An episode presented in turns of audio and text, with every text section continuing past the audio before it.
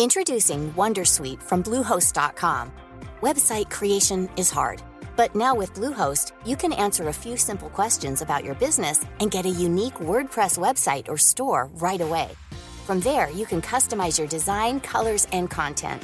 And Bluehost automatically helps you get found in search engines like Google and Bing. From step-by-step guidance to suggested plugins, Bluehost makes WordPress wonderful for everyone. Go to bluehost.com/wondersuite.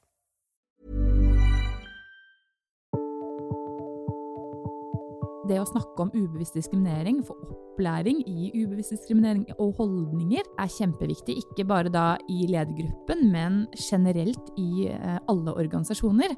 For det er ikke lenge siden jeg ikke var klar over hva ubevisst diskriminering egentlig er, og at jeg selv faktisk gjør det, men jo mer jeg har blitt bevisst på det, jo mindre skjer det at det faktisk påvirker beslutningene mine. Kjære du som hører på.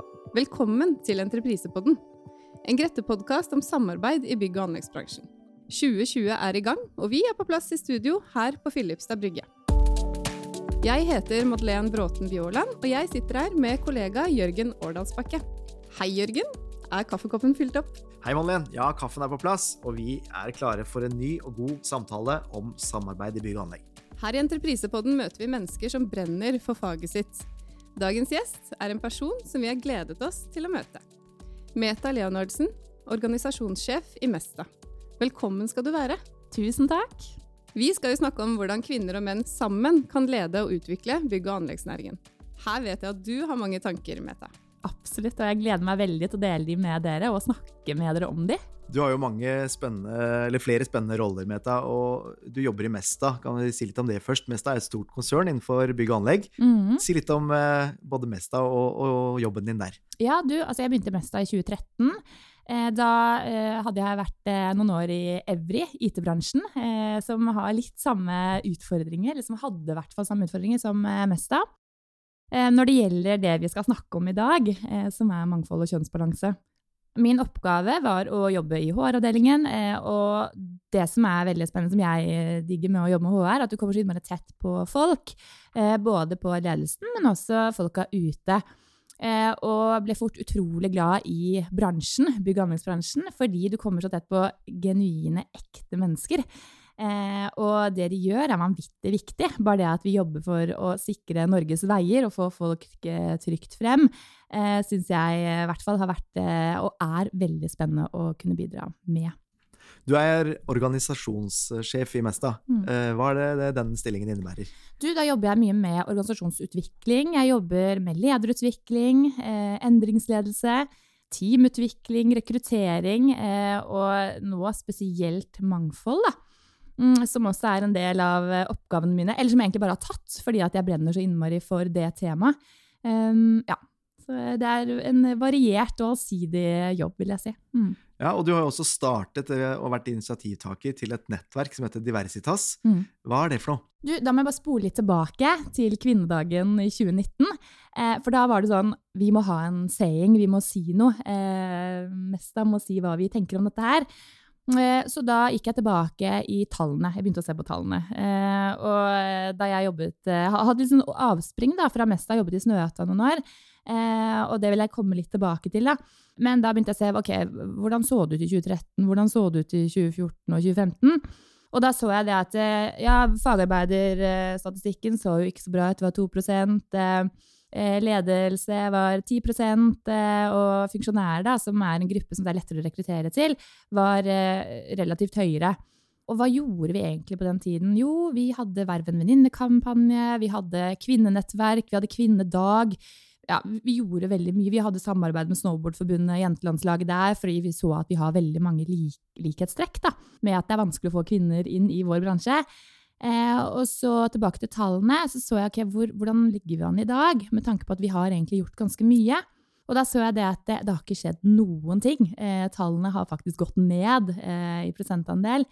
Og da begynte jeg å tenke sånn, ok, hva, har skjedd? Hvorfor, har, hvorfor, får vi det ikke til?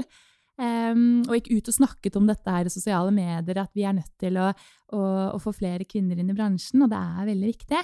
Og da dukket ideen opp med Diversitas, um, fordi eh, min erkjennelse er det at vi greier ikke dette alene. vi greier ikke å få flere kvinner inn eh, uten å samarbeide med andre firmaer og selskaper i vår bransje. Så jeg løftet opp eh, telefonen og ringte rundt til eh, alle våre konkurrenter. Veidekke, Avkroppen, Skanska, NCC eh, og, og, mange flere. Og spurte hei, har dere lyst til å være med og snakke sammen om hva vi kan gjøre for å gjøre bransjen mer attraktiv? Eh, og alle ville være med. Eh, alle hadde veldig lyst til å være med og snakke om dette. For du samlet disse personene og hadde et arrangement? Ja. Toppledermøte er det blitt kalt? Ja, eh, og vi startet jo bare med et sånt helt uformelt møte hos oss de meste. Jeg startet med å gå til min eh, mannlige eh, fungerende administrerende direktør på det tidspunktet, eh, som heia og bare 'Dette er kjempebra, Meta. Kjør på'. Eh, Hvor viktig var det for deg at han hadde den innstillingen da? Ja, det var superviktig. Eh, og, og, og, det kommer vi nok også litt tilbake til, men det her med at eh, ja, han måtte være med. Eh, ledergruppen var nødt til å, å også eh, være med på dette her for at vi skulle også få det til. Eh, for det var ikke en metakampanje, det var en Mesta-kampanje. ikke sant? Så, eh, nei, da, så da hadde vi et uh, møte hos Semesta hvor vi snakket uh, og hadde litt sånn uh, rundt bordet-runde for å høre hva hver og enkelt bedrift tenkte om utfordringen da, med, med lav kvinneandel i bransjen innenfor alle ulike områder. og ble enige om at dette må vi ta videre. vi må etablere et nettverk. veldig inspirert av Oda-nettverket og Ingeborg-nettverket. Eh, og tenkte at det må vi få til i bransjen. Så sånn ble det til. Og da eh, inviterte vi til en toppledersamling som vi hadde i oktober.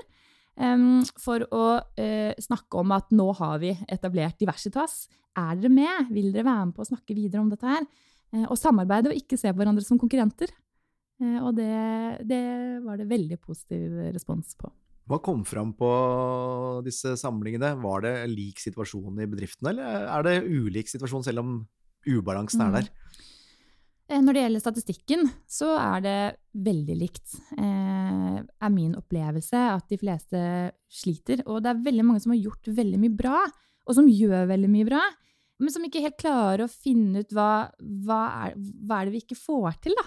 Eh, fordi det er jo mange som studerer eh, i dag, og, og, som går på høyere utdanning. Men, eh, og, så, og, så, må vi nok dele opp gruppene og se på er det noe vi skal gjøre for fagarbeiderne, da, eller på, liksom ned mer på mm. barne- og ungdomsskole?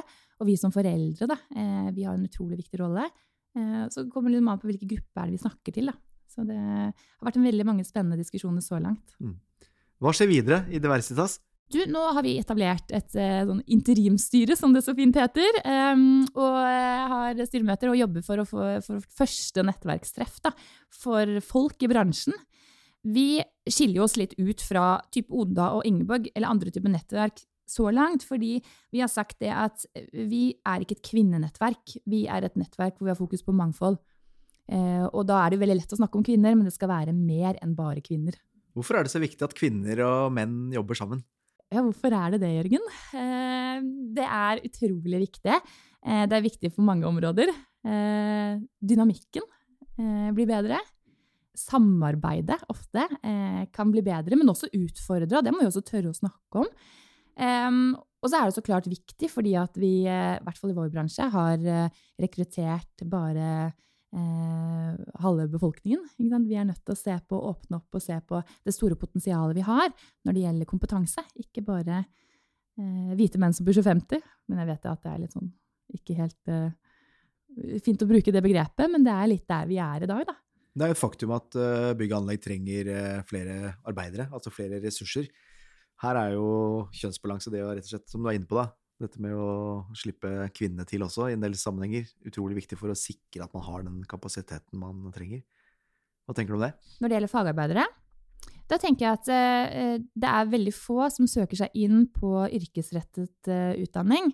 Um, og det syns jeg er veldig leit. Uh, det er, uh, og det å være fagarbeider, og de jentene som vi har i Mesta Nå har vi ca. 2-3% kvinner som er fagarbeidere, som gjør en helt fantastisk jobb. Og det er jo ikke noe Hvorfor er, hvorfor er det ikke flere? Uh, og de som jobber hos oss, opplever det som også veldig positivt. Um, Ja, så jeg, jeg, jeg syns det er leit, men jeg tror at det, det, er en stor jobb vi har å gjøre på litt mer sånn overordna samfunnsnivå og politisk nivå, eh, hvor vi kan påvirke eh, fra tidligere av, da. Det har jo også vært utarbeidet en uh, rapport som jeg uh, syns var veldig interessant, og, og, som er utarbeidet av Senter for mangfoldsledelse, SEMA. Det er jo en organisasjon som du kjenner godt, vet jeg.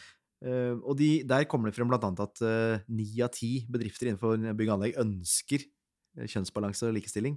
Men det er jo ikke sånn. Hvor, hvorfor, hvorfor, ikke, hvorfor, får man det ikke til? Jeg tror kanskje at det, det er mange bedrifter som ikke helt vet hvor de skal starte. Eh, og så er det noe med det at eh, hvilke stillinger er det vi skal rekruttere til? Eh, så som fagarbeidere, da, det er fint å sette seg mål sant, om at vi vil ha 50 kvinneandel når det gjelder fagarbeidere, men så er det slik at det er eh, bransjen har 2 eh, jenter som er fagarbeidere. Da er det et veldig sånn hårete mål. så jeg tror på en måte at det handler om flere enn én ting. da men det handler om en bevisstgjøring, det handler om en endring, eh, som jeg var inne på i stad, i forhold til mer sånn samfunnsmessig. Eh, at det skal være gøy og helt greit for jenter å faktisk søke seg til vår bransje. Mm. Eh, og ikke en sånn Det er dessverre slik i dag at det er noen som føler at det, er, det kan bli mobba, ikke sant? eller fordi at Oi, har du lyst til å sitte i lastebil og kjøre det? ikke sant? At det er en sånn type diskriminering for, for de unge. Og det er der vi må inn og snu og jobbe. Mm. Eh, fordi det er eh, herlighet for et kreativt yrke, og hvor mye du kan være med å bygge og skape. Ja. Det der går jo veldig mye på kjønnsstereotypier. Dette med at um, man er vant til at gutter leker med lastebiler, og jenter kan leke med dukker fra de er bitte små. Så jeg skjønner at det her er, må, som du sier, man må gjøre en jobb helt fra de er bitte små, faktisk. Det handler jo litt om holdninger, da. Fra, mm. Helt fra begynnelsen. Mm. Absolutt. Og det er jo litt sånn eh, Vi blir jo født inn i samfunnet og får enten et rosa armbånd på eh, hånden eller et blått et. Vi blir puttet i bås eh, helt fra, fra, dag én. Um, og, og, det er for så vidt greit, men, men, jeg tenker sånn, jeg er mamma til både en, en, gutt og en jente. Og det er virkelig mitt ansvar å påse at uh, hun, fall, både hun jenten sant, som vokser opp, får ta del i både tekniske utfordringer ikke sant, og ikke bare mm bidra med uh, rosa eh, bamser og, og barbiedokker. Mm eh, og sammen med, med, sønnen min, ikke sant? at det, det går jo begge veier. Mm. At han skal få lov til å vokse opp og få lov til å utforske en allsidig lek. da. Mm. Ja, det, akkurat det der tror jeg er eh, veldig, veldig viktig. men du jobber jo i Mesta. Hvor mange ansatte er dere i Mesta? Vi er 1600 ca. Mm. Hvordan jobber dere konkret med rekruttering i forhold til dette med å få inn både kvinner og menn. I alle stillingsutlysninger så skriver vi at vi er opptatt av eh, kvalifiserte eh, søkere, eh, og at vi oppfordrer alle, eh, uavhengig av etnisk eh, nasjonalitet, legning, eh, kjønn, alder, til å søke.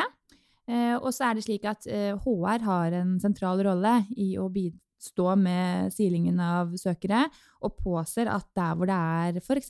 kvinner da, som har søkt, så skal, til, skal, de kalles inn til intervju. For å sikre sant, at, eh, at, de får lov til, altså at de rett og slett kommer gjennom nåløyet. Så det er på rekrutteringen, og spesielt også hvis det er eh, en kvinne som er en kandidat, så prøver vi så godt det er mulig å også være en kvinne fra organisasjonen som også er med og møter i det intervjuet. Altså, da har dere egentlig helt konkrete ting, eh, altså mm, tiltak, som dere gjør? Absolutt, i tillegg til at vi forsøker også å få flere bilder på nettsiden og i stillingsannonser, hvor vi også viser kvinner f.eks. bak rattet. Eh, noe som jeg også tenker er veldig viktig, at vi også appellerer utad. Ikke det bare er menn da, som vi putter inn i eh, maskinene våre. Eh, ja. ja. Det tror jeg er kjempeviktig, for det går jo på dette med bevisste og ubevisste holdninger. Mm. Eh, og jeg tenker at vi er alle farget av kjønnsstereotypier, som gjør at vi ubevisst av og til behandler menn og kvinner ulikt. Eh, har du noen historie selv hvor du har opplevd ubevisst diskriminering? Absolutt. Eh, og det som er litt interessant og litt skummelt, er at det, jo mer man lærer om temaet, jo mer oppdager, oppdager jeg da, eh, at jeg gjør det jo.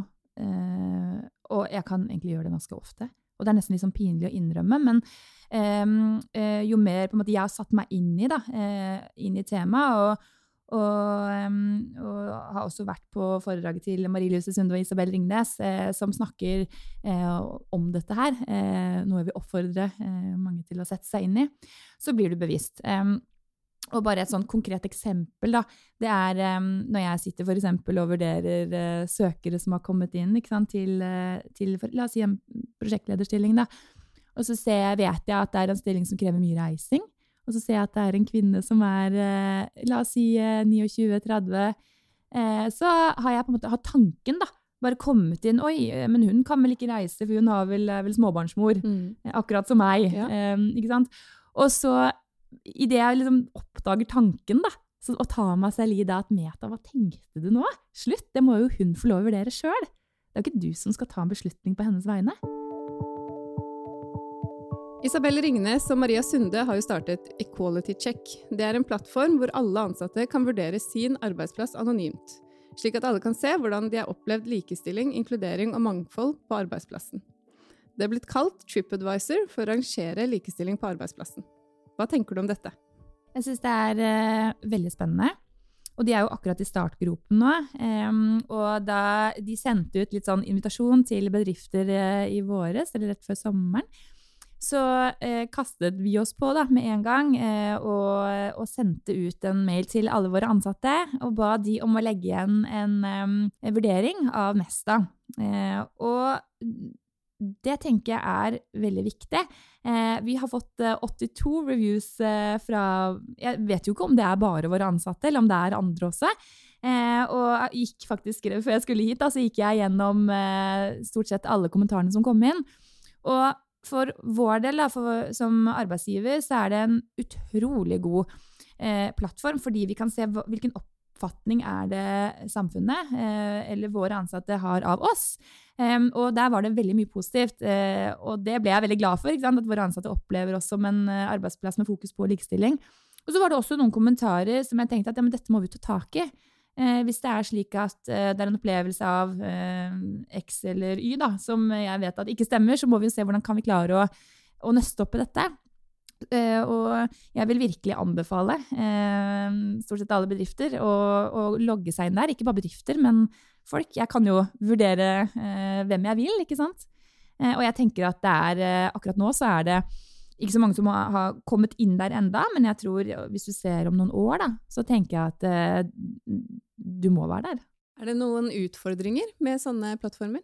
Så klart det. Eh, det kan jo være en utfordring hvis det kommer en skikkelig stygg kommentar. Eh, ikke sant? Men så tenker jeg det at eh, vi må tørre det. Eh? Vi, vi, åpner jo opp, da. Det, det, er i hvert fall min eh, erfaring nå. At vi har turt å åpne opp, og da må vi også tørre å ta de kommentarene som kommer. Eh, og så finne ut en måte å håndtere det på. Mm, og, og, det handler jo om likestilling, det handler om åpenhet, og tørre å vise at det er viktig for oss. Og da, ja, da må vi også ta det negative som da måtte komme. Den situasjonen vi ser i, i bygg og anlegg i dag, med en uh, skjev balanse på, mellom kjønnene Holdninger har du snakket om. Hvorfor, hvorfor, er det blitt sånn? Altså dette med holdningene, er det ting som bare er historisk betinga, eller er det bransjen som er uh, spesiell? Um, jeg tenker at det med holdninger det er overførbart til mange bransjer. Bare se på helsevesenet, som er veldig overrepresentert av kvinner. Um, og, eh, så jeg tror, um, jeg tror, det her med holdninger, og, i hvert fall ubevisst uh, diskriminering, er noe som vi må lære mer av uh, i alle bransjer, og, og, da spesielt også i vår bransje, da, innenfor bygg og anlegg. Gjennom Diversitas så har jo du kontakt med veldig mange miljøer. Um, har dere noen eksempler fra hverdagen? Ja, det har vi. Ehm, vi har mange eksempler, eh, og jeg kan trekke frem ett som jeg tenker er veldig, veldig relevant. Og ehm, det er eh, bare en historie fra et eh, annet stort entreprenørfirma. Hvor det var en, en leder som fikk En mannlig leder, jeg må bare poengtere det. Som fikk en yngre da, prosjektleder tilbake igjen fra mammapermisjon. Eh, og så Første dagen hun, hun gleder seg da, til å komme tilbake igjen på jobb og ta fatt på nye utfordringer da, eh, som hun var med på å planlegge før hun gikk ut i mammapermisjonen. Så får hun da beskjed fra sin eh, overordnet da, at eh, eh, så flott at du er tilbake, og, og eh, vet du hva, nå, skal du, nå har vi satt deg liksom, til litt annet enn det vi egentlig hadde tenkt. Og så er det Peter her som skal, som skal ta dette og styre dette store prosjektet. Eh, det han, eh, herr leder, da, eh, ikke var klar over, var det at hun hadde jo organisert på hjemmebane slik at hun virkelig altså, det, er jo, det er jo en mann her også, som er far, eh, som skulle virkelig step up the game og, og ta barna og, og, sørge for at hun nå skulle virkelig få lov til å eh, vokse i sin karriere.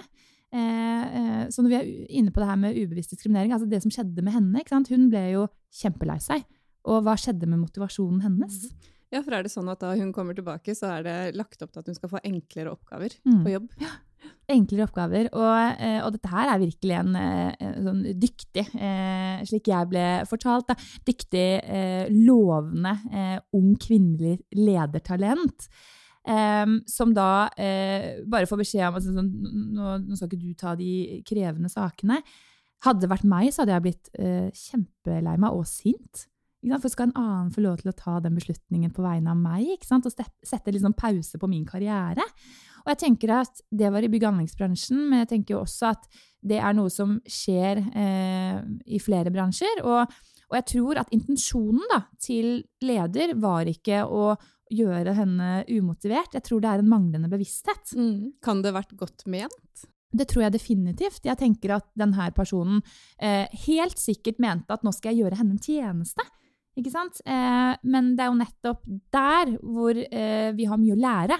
Ikke sant? At, eh, eh, og, nettopp det her med å, å ha en åpen dialog. Ikke sant? Og, og si at vet du hva, vi skal virkelig legge, legge forholdene til rette for at dette skal du få til. Ja, for mest sannsynlig så kan man vel kanskje tenke seg at en mann eller gutt eh, i samme alder hadde ikke opplevd eh, å få den eh, tilretteleggingen Nei. eh, etter et eh, fravær eller Mm. permisjon. Nei. Mm. Nettopp. Og så en bare sånn siste eh, eksempel også. Så er det jo også det her med Vi må ikke glemme Vi snakker veldig mye om kvinner, men også menn som skal ta ut pappapermisjon i vår bransje. Har jo også opplevd at det å, å komme og si du, jeg skal være borte i et halvt år, eller tre måneder, eller uavhengig av hvor lenge det er, har fått kommentarer som ikke er så veldig hyggelige. Eh, så, så jeg tenker at eh, det går begge veier, og vi må være åpne for at vi lever i nå 2020, og, og likestillingen har kommet eh, et godt stykke på vei. Har du opplevd eh, noen eksempler selv eh, i nyere tid? Eh, ja, det har jeg faktisk, og det er ikke så veldig lenge siden, så det er ganske sånn ferskt. Mm, det er et par uker siden så ble jeg ringt opp av en eh, headhunter fra et ganske sånn stort, anerkjent eh, rekrutteringsselskap som, eh, som ville selge inn en veldig spennende HR-stilling til meg.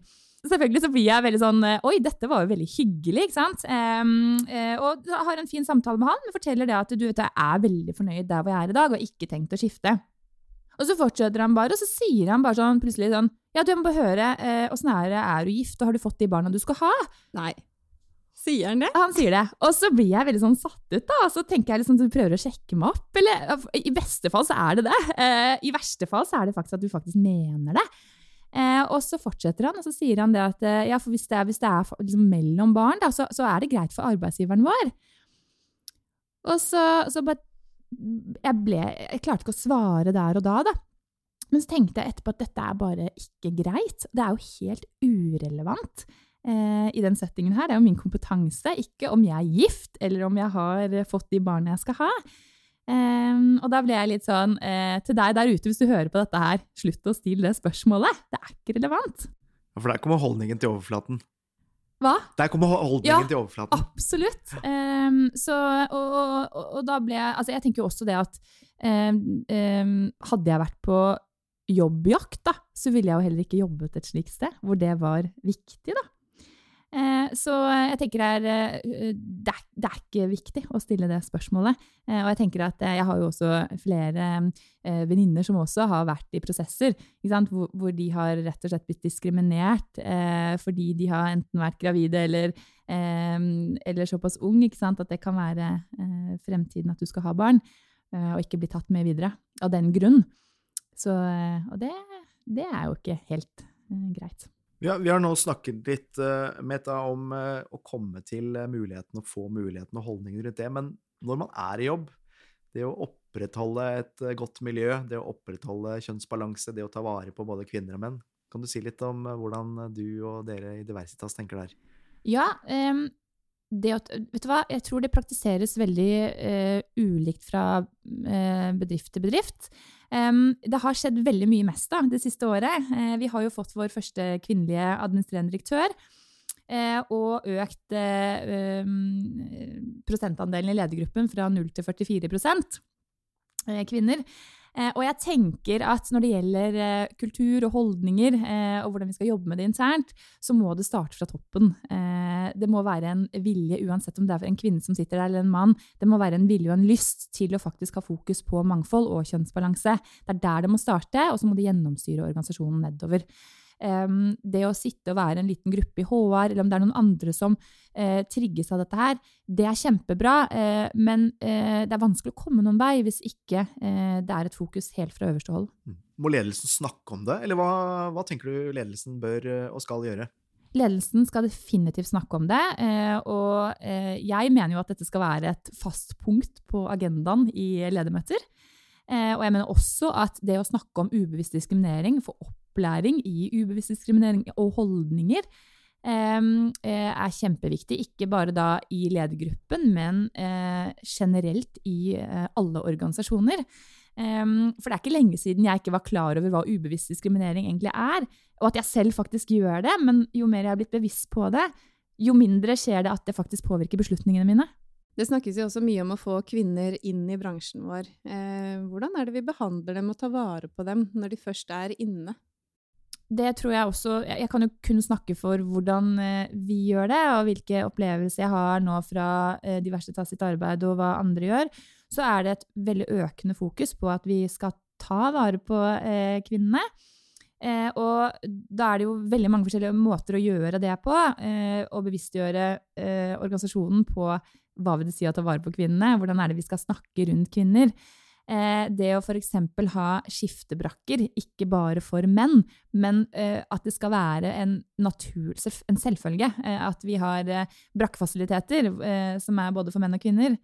Det forekommer jo dessverre i dag at det er slik at det bare er på et stort anleggsprosjekt at det bare er satt opp en brakkerigg, for det er kalkulert for kun én skiftebrakke for menn.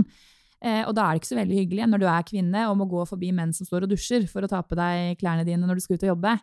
Så det å på en måte få det inn til å bli en, eh, en selvfølge, det tror jeg er en, en jobb å gjøre. Eh, å få ned eh, plakater på veggene, der tror jeg vi har kommet langt. Eh, men jeg tror at eh, når jeg har snakket med eh, kvinnene som er hos oss, som er ute, så opplever de i hvert fall at det ikke er noe utfordring. Jeg har det kjempebra, det er gøy og det er fint.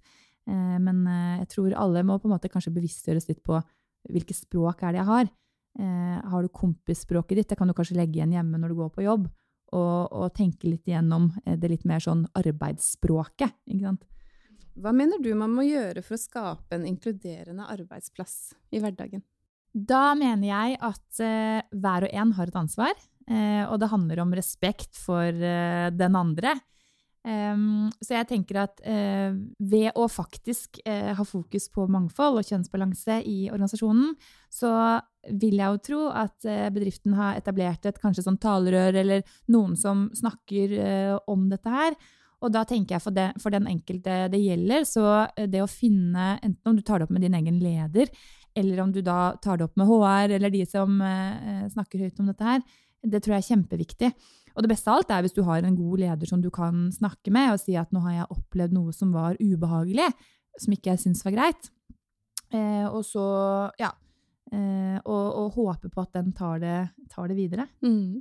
Det beste man kan gjøre, er å si ifra. Ikke sant? Hvis ikke så vil vi ikke klare å få til en forskjell. Og en annen ting der også er jo det at hvis du som mann opplever at det er en kommentar som er eh, eh, eh, ikke fin da, til en kvinnelig ansatt, eller på en måte at det er jo du som jobber i eh, oppvaska, du er jo kvinne, eller kjerringene skal stå for eh, ryddinga, eller hva det måtte være. Det er jo et eh, ganske sånn røft språk, kan det til tider være. Det å slå ned på det også, og si du, det var jo ikke hyggelig sagt. Altså det å tørre å ta ordet eh, i situasjonene, tenker jeg at det kan være et effektivt virkemiddel for å slå ned på ukultur. Og rett og slett bidra som kollega til å gjøre litt med situasjonen? Ja. Vi har fått noen eh, spørsmål fra lytterne våre. Ja. Eh, et av de er fra en mann på 40 år. Han skriver Som en mann tenker jeg, hva er det viktigste jeg til daglig og som enkeltperson kan gjøre for å fremme likestilling og mangfold i bransjen? Mm. Så bra. Veldig godt spørsmål, mann 40. Eh, det jeg tenker at du må gjøre, er å tørre å stå opp for temaet. Eh, du bør ikke kalle deg feminist, men i herlighet gjerne gjør det. Eh, men det å, å, å, slå ned på kommentarer som kommer, det å, å faktisk snakke om det, det å, si på et uh, møte at hei, dere, i dag har jeg lyst til at vi skal snakke om likestilling eller ubevisst diskriminering eller holdninger hos oss, og, og, tørre å være åpen om temaet. Ja, og så tenker jeg også det at hvis du hører, liksom vi snakket om tidligere, at det er noen kommentarer som ikke er positive, det at du tør å gå fram som et godt eksempel eh, og slå ned på de kommentarene som måtte komme. Mm, og så tenker jeg, eh, du mann som er 40, du har sikkert ikke så gamle barn, men til deg kanskje mann 50 som har eh, døtre, så ville jeg ha tenkt det Ville jeg akseptert om datteren min eh, ikke hadde fått de samme mulighetene som sønnen min. Eh, eller hvis datteren min skulle jobbe her og, og, eh, og, bli snakket til på den og den måten. Så jeg tenker liksom, det å sette deg inn i den andre personens ståsted og reflektere litt, tenker jeg er en, eh, et godt sted å starte. Mm.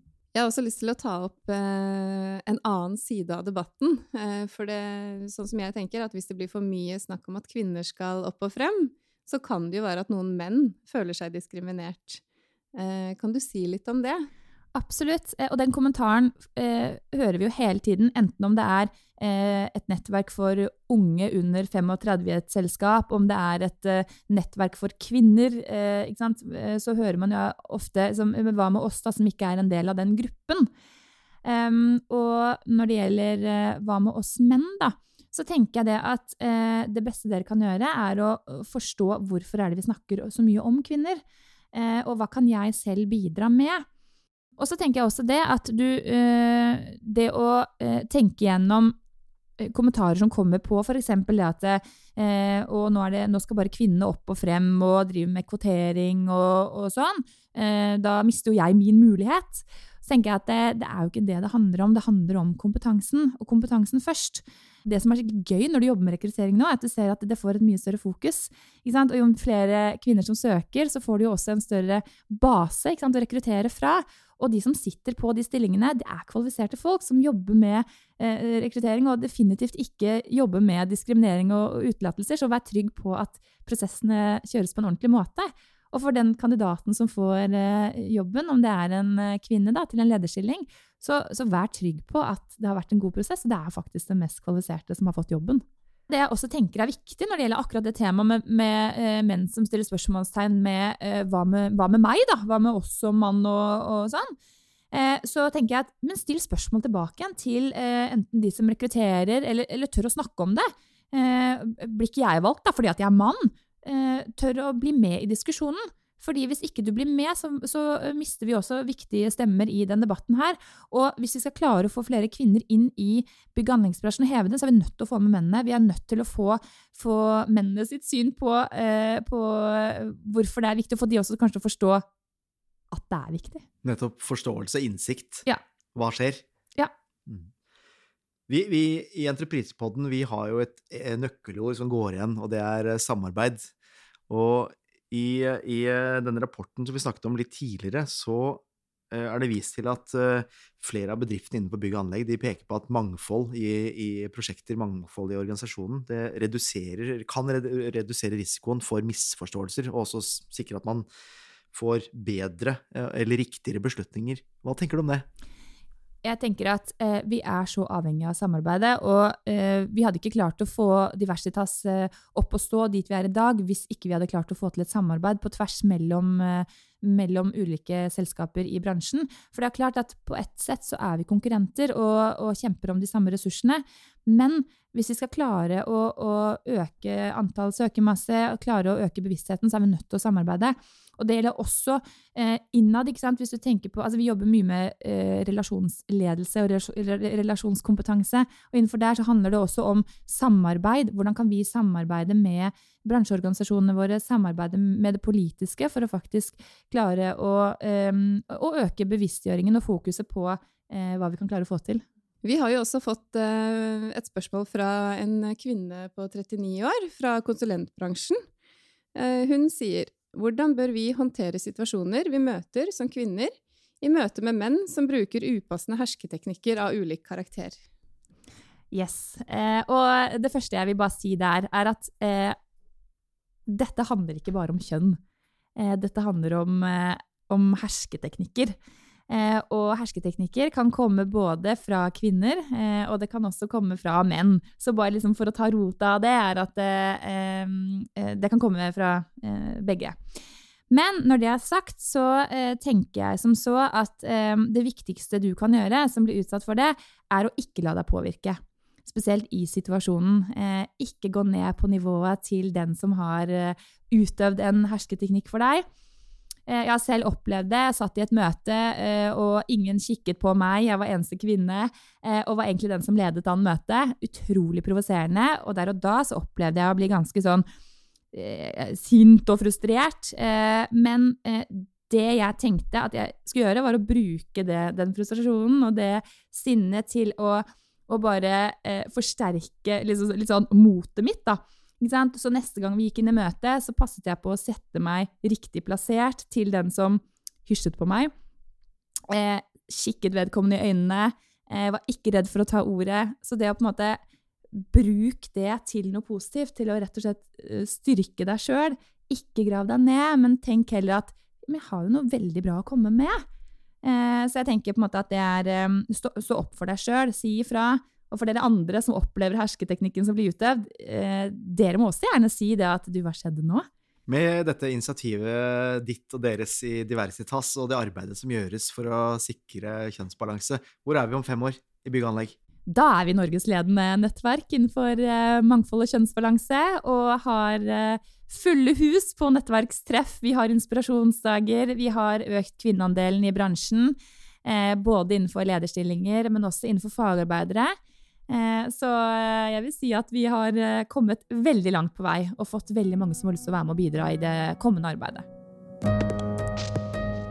Entreprisepodden er en podkast hvor samarbeid i bygg og anlegg er i fokus. Vår bransje er kompleks. Det som kjennetegner de aktørene som lykkes, er evnen til å se helheten i en problemstilling raskt. De som ser konsekvensen av ulike alternativer og klarer å ta gode avgjørelser. Vi har jo to faste spalter, eh, Meta. Den første heter Ukas drømmeprosjekt.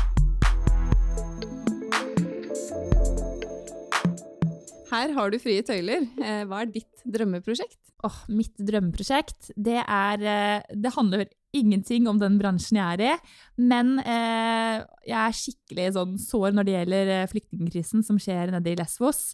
Eh, og hadde, det hadde vært helt fantastisk å klare å løse det, at alle de barna som bor i flyktningleiren der, eh, finner et godt og trygt hjem. og den organisasjonen som heter Dråpen i havet, de gjør en helt fantastisk innsats der nede. Så det, å, det ville vært et drømmeprosjekt, det å virkelig bare få den organisasjonen til å få enda mer støtte og klare å hjelpe befolkningen der nede og, og alle flyktningene. Det hadde vært min drøm. Neste spalte ut er ukas twist.